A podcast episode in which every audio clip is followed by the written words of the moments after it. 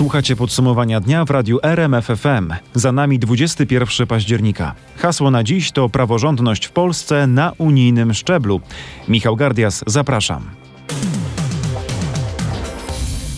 Ale zaczynamy od bardzo niebezpiecznej czwartkowej pogody. Co najmniej cztery osoby zginęły, a 13 zostało rannych przez silne wichury, które przeszły wieczorem nad Polską. Najmocniejsze podmuchy i liczne interwencje były m.in. na Dolnym Śląsku i w Wielkopolsce, ale także w Lubuskiem. Nasz reporter Mateusz Chłystun zebrał wieczorem najświeższe informacje. Najwięcej zgłoszeń napływało wówczas z Poznania. E, to prawda, głównie chodzi o powalone drzewa. Takie zgłoszenia wpłynęły m.in. z poznańskiego zoo, którego pracownicy ewakuowali zwiedzających. Na parkingu Politechniki Poznańskiej z kolei złamane konary uszkodziły przynajmniej kilka samochodów. E, porywy wiatru połamały też szlabany na przejazdach kolejowych w Palędziu i Dopiewie pod Poznaniem.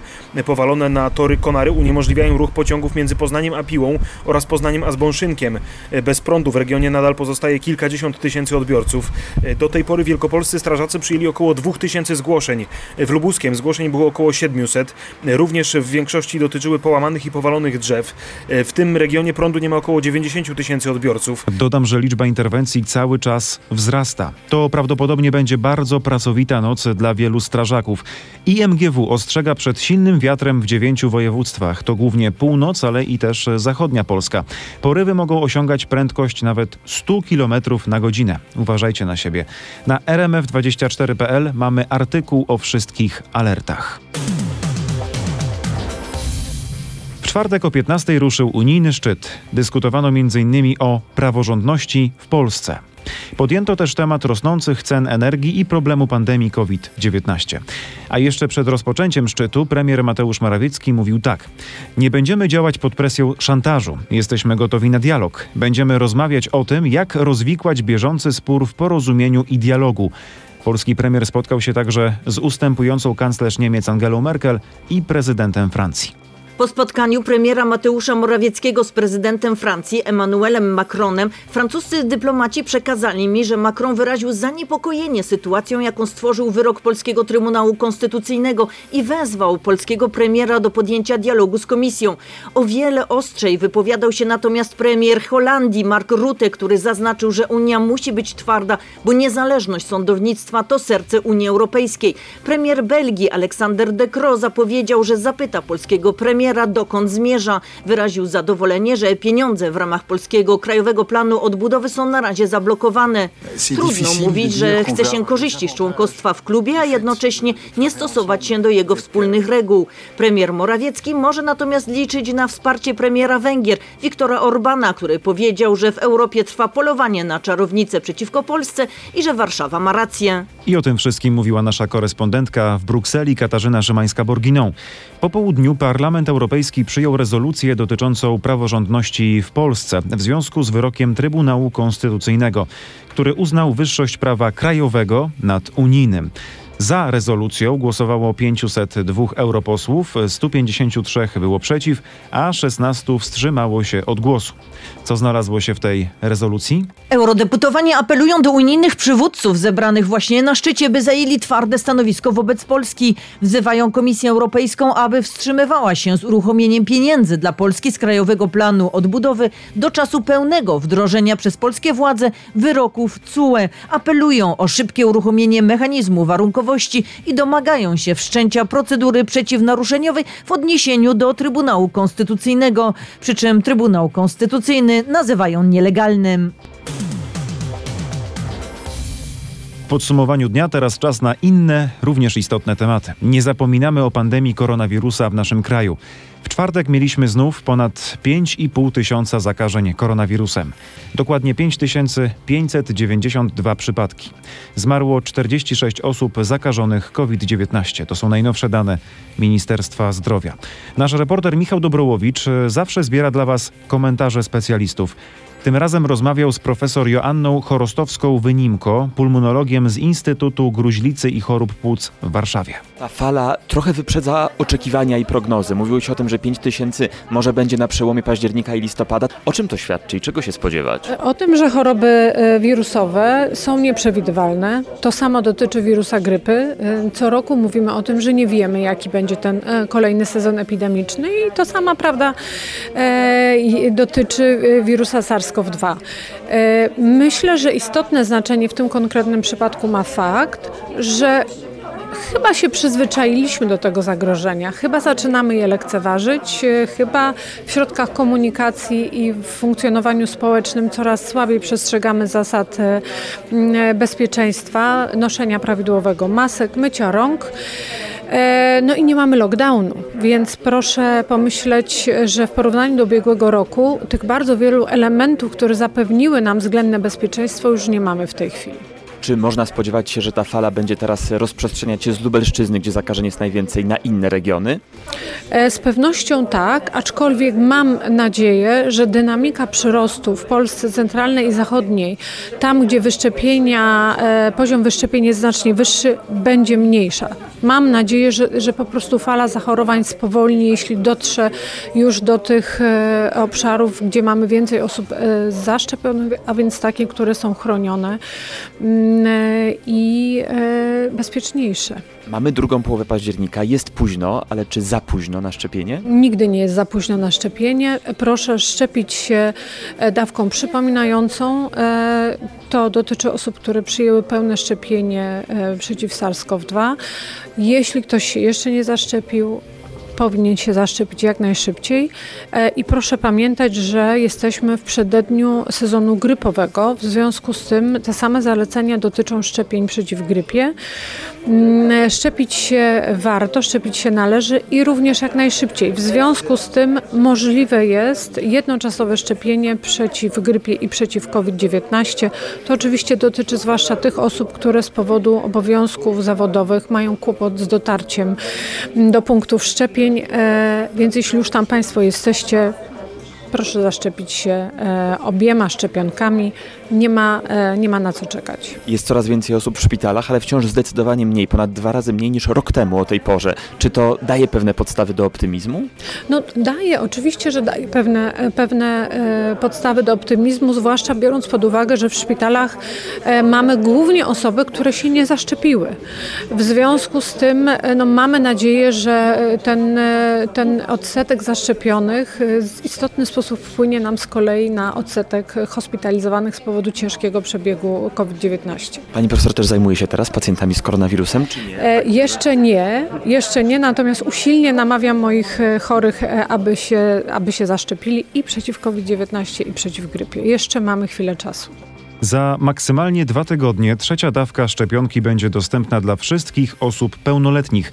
Tak zapowiada w RMF FM rzecznik Ministerstwa Zdrowia Wojciech Andrusiewicz. Żeby z niej skorzystać, od podstawowego szczepienia będzie musiało minąć 6 miesięcy.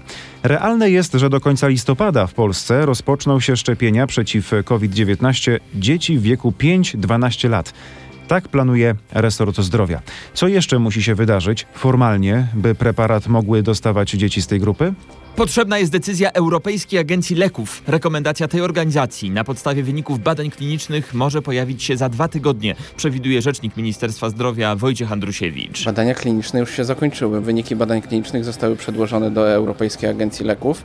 Liczymy, że do końca listopada będzie w Polsce możliwe szczepienie dzieci w wieku 5 do 12 lat. Dzieci z tej grupy dostawałyby wtedy preparat firmy Pfizer w dawce mniejszej niż w przypadku dorosłych. To był nasz dziennikarz e, Michał Dobrołowicz. Pozostajemy w temacie zdrowia tych e, najmłodszych, ale oddalamy się nieco od samego COVID-19. Coraz więcej małych pacjentów z infekcjami wirusowymi i bakteryjnymi trafia do Wojewódzkiego Specjalistycznego Szpitala Dziecięcego w Olsztynie. Skala zachorowań jest tak duża, że we wszystkich oddziałach szpitalnych zajętych jest niemal 100% łóżek. Mali pacjenci nie zostaną bez pomocy, zapewnia w rozmowie z naszym reporterem Piotrem Błakowskim dyrektor szpitala Krystyna Piskosz-Ogórek. Na ten moment w, szpitalu y, nie ma takiej sytuacji, że nie będziemy przyjmować, bo nie ma miejsca. Będą dodatkowe łóżka, będą y, wszystkie dzieci, które będą wymagały leczenia szpitalnego. Szpital nasz takie leczenie zapewni, bo mamy powiększoną bazę, rozbudowaną bazę szpitalną. A gdyby się doszło do ściany? Y, Apeluję, żebyśmy do tej ściany nie doszli. Oczywiście, gdybyśmy doszli do ściany takiej, że nie będziemy w stanie zapewnić już warunków do, leczenia dzieciom infekcyjnym, no to będziemy ograniczali przyjęcia w oddziałach zabiegowych. Plany B mamy przygotowane, także mm, przyjęliśmy to, że jesteśmy szpitalem dziecięcym regionalnym dla województwa warmińsko-mazurskiego, oczywiście ponadregionalnym również, ale w pierwszej kolejności będziemy zabezpieczać potrzeby regionalne tych pacjentów infekcyjnych. Lekarze apelują, by szczególnie w sezonie jesienno-zimowym uważać na dzieci. Gro tych infekcji można byłoby uniknąć, gdybyśmy przestrzegali, e, gdybyśmy unikali dużych zbiorowisk e, z dziećmi, nie chodzić tam, gdzie jest e, dużo ludzi, tam nie wprowadzać dzieci, po galeriach nie chodzić z dziećmi, Mm, często myć i dezynfekować ręce, również pracować nad nawykiem mycia rączek u dzieci no, zachowywać dystans i maseczki. I to nie są zasady, które dotyczą tylko profilaktyki COVID. To są zasady, które dotyczą profilaktyki grypy i innych wirusowych spraw. Poza tym jest jedna bardzo ważna rzecz, na którą chciałam zaapelować. Dzieci w tej chwili powyżej 12 roku życia mogą być szczepione od COVID, a powyżej em, 6 miesiąca życia już mogą być szczepione od grypy.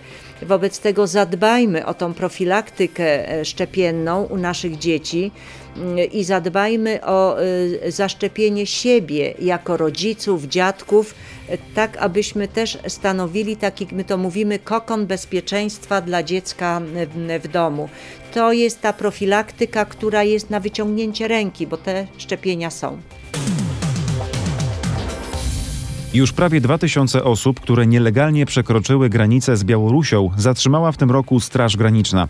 Ponad połowa z nich to obywatele Iraku, ale są też tysiące migrantów, którym udało się dotrzeć przez Polskę do Niemiec. Takich osób jest ponad 5 tysięcy tych zatrzymanych. Te dane padły na czwartkowej konferencji Straży Granicznej. Był na niej nasz dziennikarz Krzysztof Zasada. Wiemy, że działają wspólne polsko-niemieckie patrole, a migranci są wyłapywani nie tylko na granicy. Posłuchajcie rozmowy Michała Zielińskiego z Krzysztofem Zasadą. Zgadza się, bo jak mówiła dzisiaj rzeczniczka e, Straży Granicznej, granica nie może być w pełni ochroniona. Trzeba się z tym liczyć. Do tego pamiętajmy, że mm, nie mamy granicy z Litwą, gdzie także przekraczają ją cudzoziemcy. Wiemy, że wielu z tych cudzoziemców udaje się mimo zasieków czy dużej liczby mundurowych wydostać poza strefę stanu wyjątkowego w Polsce. Coraz częściej to ponad 20-osobowe grupy. Na cudzoziemców czekają samochody, najczęściej dostawcze busy i takie pojazdy z migrantami są coraz częściej zatrzymywane już w głębi kraju. Ostatni przykład, 24 osoby wpadły w ręce strażników granicznych z Gorzowa Wielkopolskiego. E, Byli już blisko niemieckiej granicy, jechali właśnie samochodem dostawczym. Krzysztofie, ten przerzut y, to jest zorganizowany i opłacany proceder, po prostu biznes nielegalny. Co wiadomo o tych, którzy y, pomagają cudzoziemcom w przedostaniu się na zachód? No to, że nieźle zarabiają, tak jak mówisz, bo e, przejazd z granicy, mm, z, Białor- z granicy bia- polsko-białoruskiej do granicy niemieckiej to jest kwota za osobę od 300 do 1000 euro nawet. Więc jeżeli taki bus, 24 osoby, łatwo sobie policzyć, ile ci e, pośrednicy czy pomocnicy biorą za taki kurs. A co wiadomo o tych, którzy pomagają cudzoziemcom? No to także głównie cudzoziemcy. Przeważająca większość jest narodowości krajów Bliskiego Wschodu. Duża liczba z nich to także osoby ubiegające się o ochronę międzynarodową i to głównie w Niemczech. Wśród zatrzymanych y, kilkuset organizatorów w tym roku i pomocników w przemycie ludzi są też obywatele Ukrainy, Rumunii i Tadżykistanu. E, Śledczy ze Straży Granicznej zauważają też, że duża grupa kierowców, którzy wożą imigrantów na zachód, jest pod wpływem środków odurzających. Chodzi innymi o to, by bez przerwy mogli e, przejechać duży dystans. Natomiast te osoby, no co tu ukrywać, stanowią duże zagrożenie na drodze, co pokazują ostatnie przykłady pościgów za samochodami, e, które przewożą imigrantów. Kierowcy rozpędzają się do ponad 200 km na godzinę, by umknąć funkcjonariuszom. Ostatnio staranowali też radiowóz.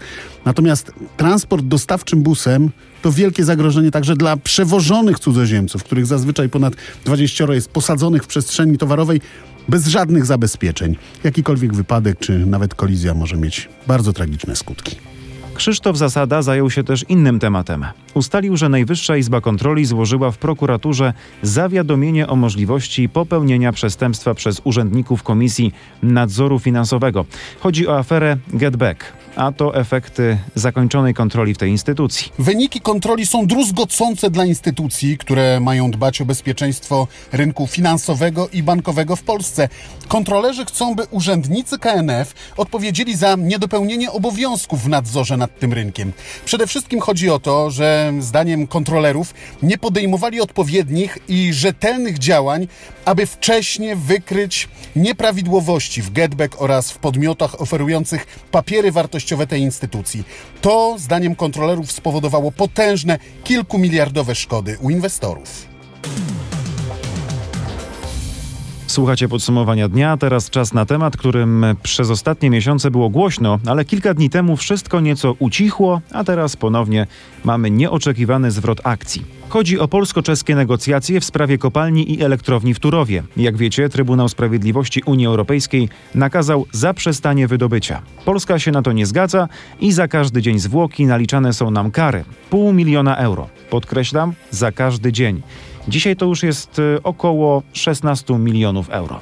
Rozmowy zostały jakiś czas temu zerwane, ale Czesi wysłali do Warszawy sygnał, że chcą wrócić do stołu rokowań. Paweł Balinowski wyjaśnia, dlaczego to takie zaskoczenie. Przede wszystkim dlatego, że wcześniej mówiło się, że ten powrót do stołu może nastąpić dopiero wtedy, kiedy w Czechach wymieni się rząd, bo ja przypomnę, niedawno w Czechach e, wybory wygrała opozycja, właściwie szeroka koalicja opozycyjna, która dobrała sobie drugą koalicję i teraz będą tworzyć rząd, ale dopiero za kilka tygodni albo nawet kilka miesięcy, to też zależy kogo spytać. Optymiści mówią, że to będzie grudzień, pesymiści mówią nawet o styczniu.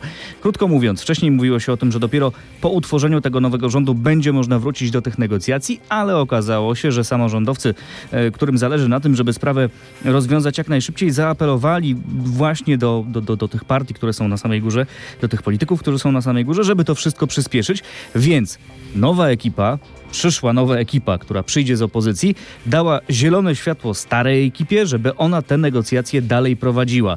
To znaczy, że oni, kiedy coś zostanie powiedzmy wynegocjowane teraz przed wymianą rządu, że oni tego nie będą kwestionować. No więc stąd to zaproszenie do Warszawy się pojawiło. Trochę skomplikowana sprawa, ale mam nadzieję, że, że udało się ją trochę objaśnić. Nie, myślę, że wszystko jasne. A co na to polska strona? Na razie polska strona potwierdza tylko, że dostała to zaproszenie do rozmów, e, do, do powrotu do rozmów e, od strony czeskiej. Warszawa dostała sygnał z Pragi, teraz go analizuje. Pewnie będzie za jakiś czas odpowiadać. No, kiedy zapytałem urzędników Ministerstwa Klimatu, kiedy pojawi się ta odpowiedź, oni powiedzieli, no na dniach, tak dość szybko.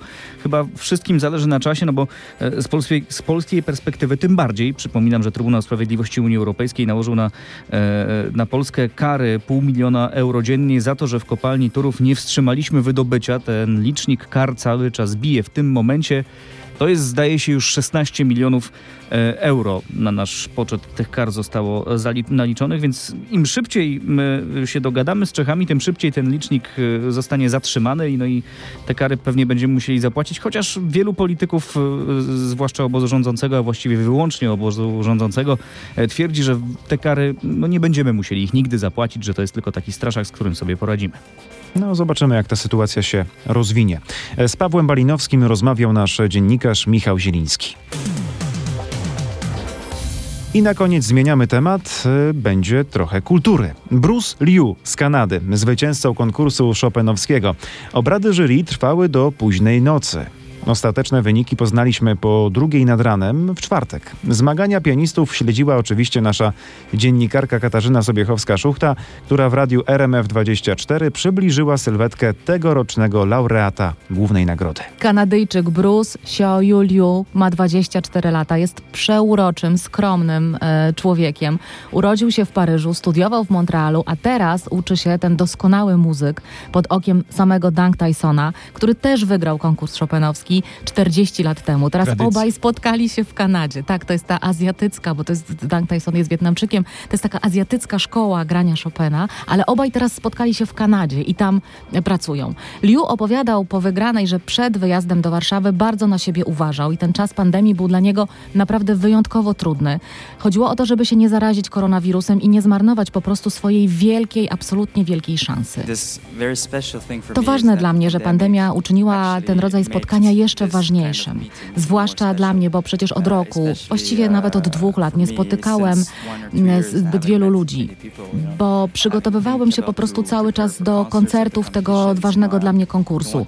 Nie chciałem ryzykować, by któryś z tych testów koronawirusowych był dla mnie niekorzystny. Musiałem bardzo uważać, zwłaszcza tuż przed samym konkursem. No ale teraz będę odsypiał i chodził na przyjęcia, tak mówił już szczęśliwy, uśmiechnięty po wygranej Bruce Liu. E, Kasiu Liu grał wczoraj jako ostatni, ale ostatni by, będą pierwszy. Dokładnie tak. On grał jako ostatni, w sumie w finale grało e, 12 osób, aż troje z nich to 17-latkowie. Bruce Liu zagrał na finał jako ostatni, grał koncert E-moll Chopina, bo były do wyboru dwa, F-moll lub E-moll, on akurat wybrał ten, ten drugi. I gdy zagrał tę ostatnią nutę koncertu E-moll, e, Chopina wstał, tak za, za, zawisł najpierw ręką nad fortepianem, bo te emocje tak uszły. On wstał, żeby się ukłonić i publiczność też wstała z miejsc. Pociąg. I to było Publiczność prostu w górę. Tak. Dokładnie tak. I to było po prostu, słuchajcie, magiczny moment, bo już wiedzieliśmy, że jest koniec. Andrzej Borejko, który prowadził Orkiestrę Filharmonii Narodowej, bo to był koncert z udziałem orkiestry również, zamknął tak symbolicznie klapę fortepianu, to już był koniec.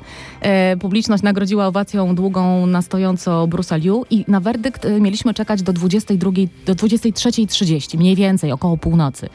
Ale niestety jurorzy bardzo długo się naradzali i ostatecznie wyszli do dziennikarzy dopiero po drugiej nad ranem. No i rozszerzyliśmy również listę nagród. Zazwyczaj sześć osób um, kończy z tytułem laureata. Dzisiaj osiem osób dostaje tytuł laureata. mówiła przewodnicząca jury Katarzyna Popowa-Zydroń.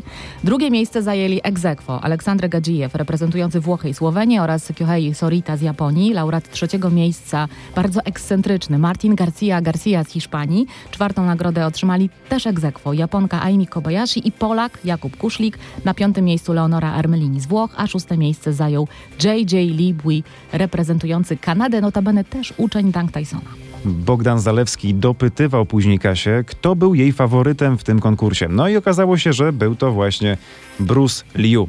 To się nazywa intuicja. Gratulujemy zwycięzcy, ale i naszemu reprezentantowi Jakubowi Kuszlikowi, który zajął czwarte miejsce aequo z Japonką Aimi Kobayashi.